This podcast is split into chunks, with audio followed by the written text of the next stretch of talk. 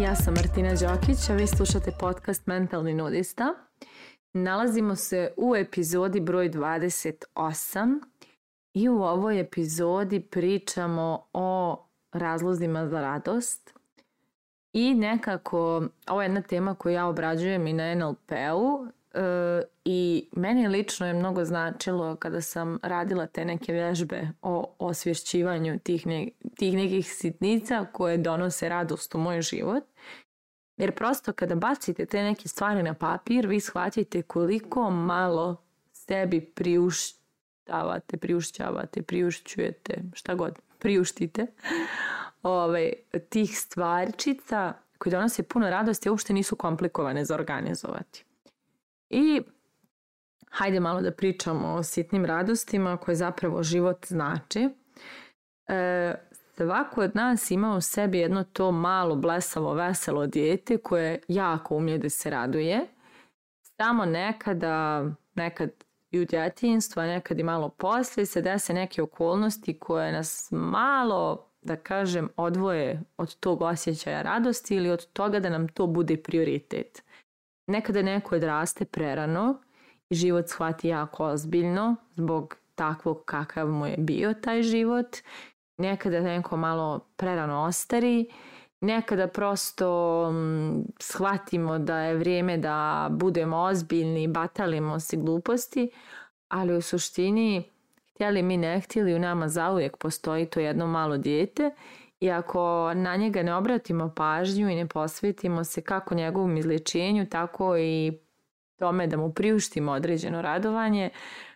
ono će samo od sebe da se pobrine, da nas prisili na neke ne baš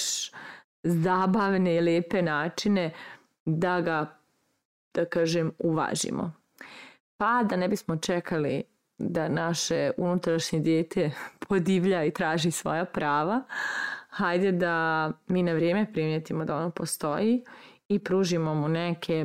njemu važne sitnice, a kad kažem njemu to je i glupo reći, to su za nas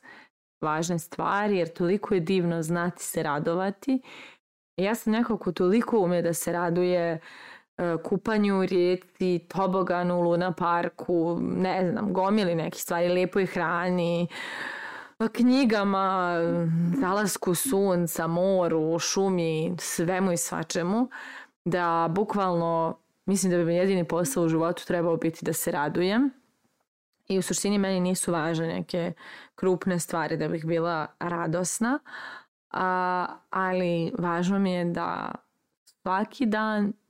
pa par svaki drugi, e,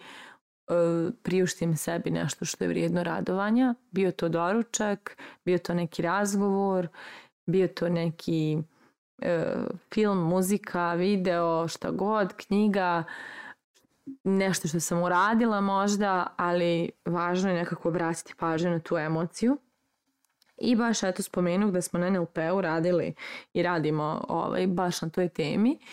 E, to je kao neka završna tema kojom završavamo edukaciju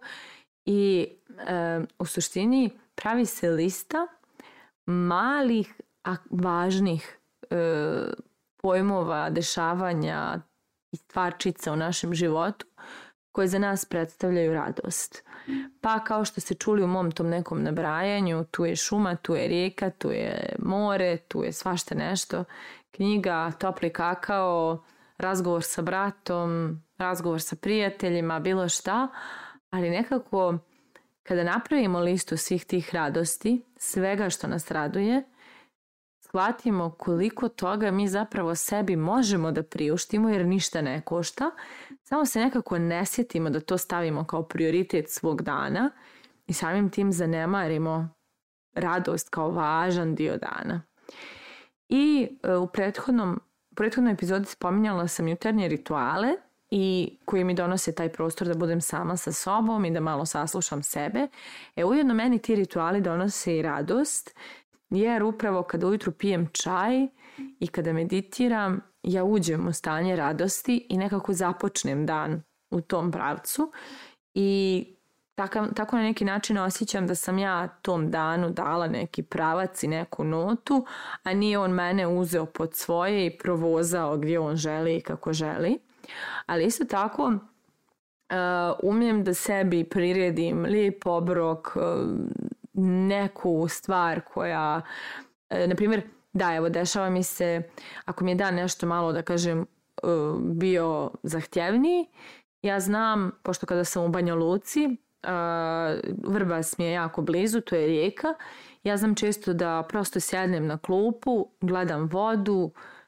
ono, dišem duboko, slušam žubor, slušam ptičice i prosto budem prisutna u tom trenutku i osjećam radost jer sam pored vode, jer je oko mene crku ptičica, jer je tu zelenilo svuda oko mene i mene to zaista, zaista raduje. Raduju me psi, tako da hvala Bogu u okruženju ih imam gomilu, pa uvijek nekako svjesno provedem i trenutke sa, sa nekim od pasa, pogotovo sa mojim i to znači da sam 100 200% prisutna kada se igram sa psom ili kada šetam sa psom. Takođe, volim da čitam neke stvari, knjige, poeziju, nešto što me zamisli i onako kada najđem na nešto što me oduševi, bukvalno osjetim tu radost i često znam da kažem, ok, dan je bio zamoran, hajde da sada nađemo neki razlog da se malo radujem i onda tamo probavljam po svojim knjigama i znam tačno koji autor će u meni da probudi tu neku emociju ili nađem na Spotify-u pjesmu koja, koja će da me pokrene i da me onako da mi digne energiju, onda se njom pozabavim ili nađem film koji će da me stavi u dobro stanje, da se onako osjećam radosno, veselo, razdragano, pa onda to pogledam ili čujem se sa osobom s kojom znam da će mi se energija nekako dići na novi nivo, da će me inspirisati da pričam o nekim blesavim temama i tako zapravo obratim pažnju ima li radovanja dovoljno u mom životu u tom danu ili tih dana i ako nema, vrlo svjesno se pobrinem da to radovanje za sebe kreiram. I kao što rekoh, meni dani počinju tako u 98% slučajeva i obično počinju tako što, se povje, što povežem telefon ili kompjuter na zvučnik, pustim muziku koja me stavlja u dobro stanje, spremam sebi doručak, jedem ga svjesno, prisutno, zahvalno što ga imam i tu već osjećam radost jedem stvari u kojima uživam, pa mi oni jele, odmah bude radost. Onda šetam često prisutno ili slušam videa, podcaste, audio neke zapise koje znam da će mi podići energiju. I tako, znači, bukvalno postoji hiljadu načina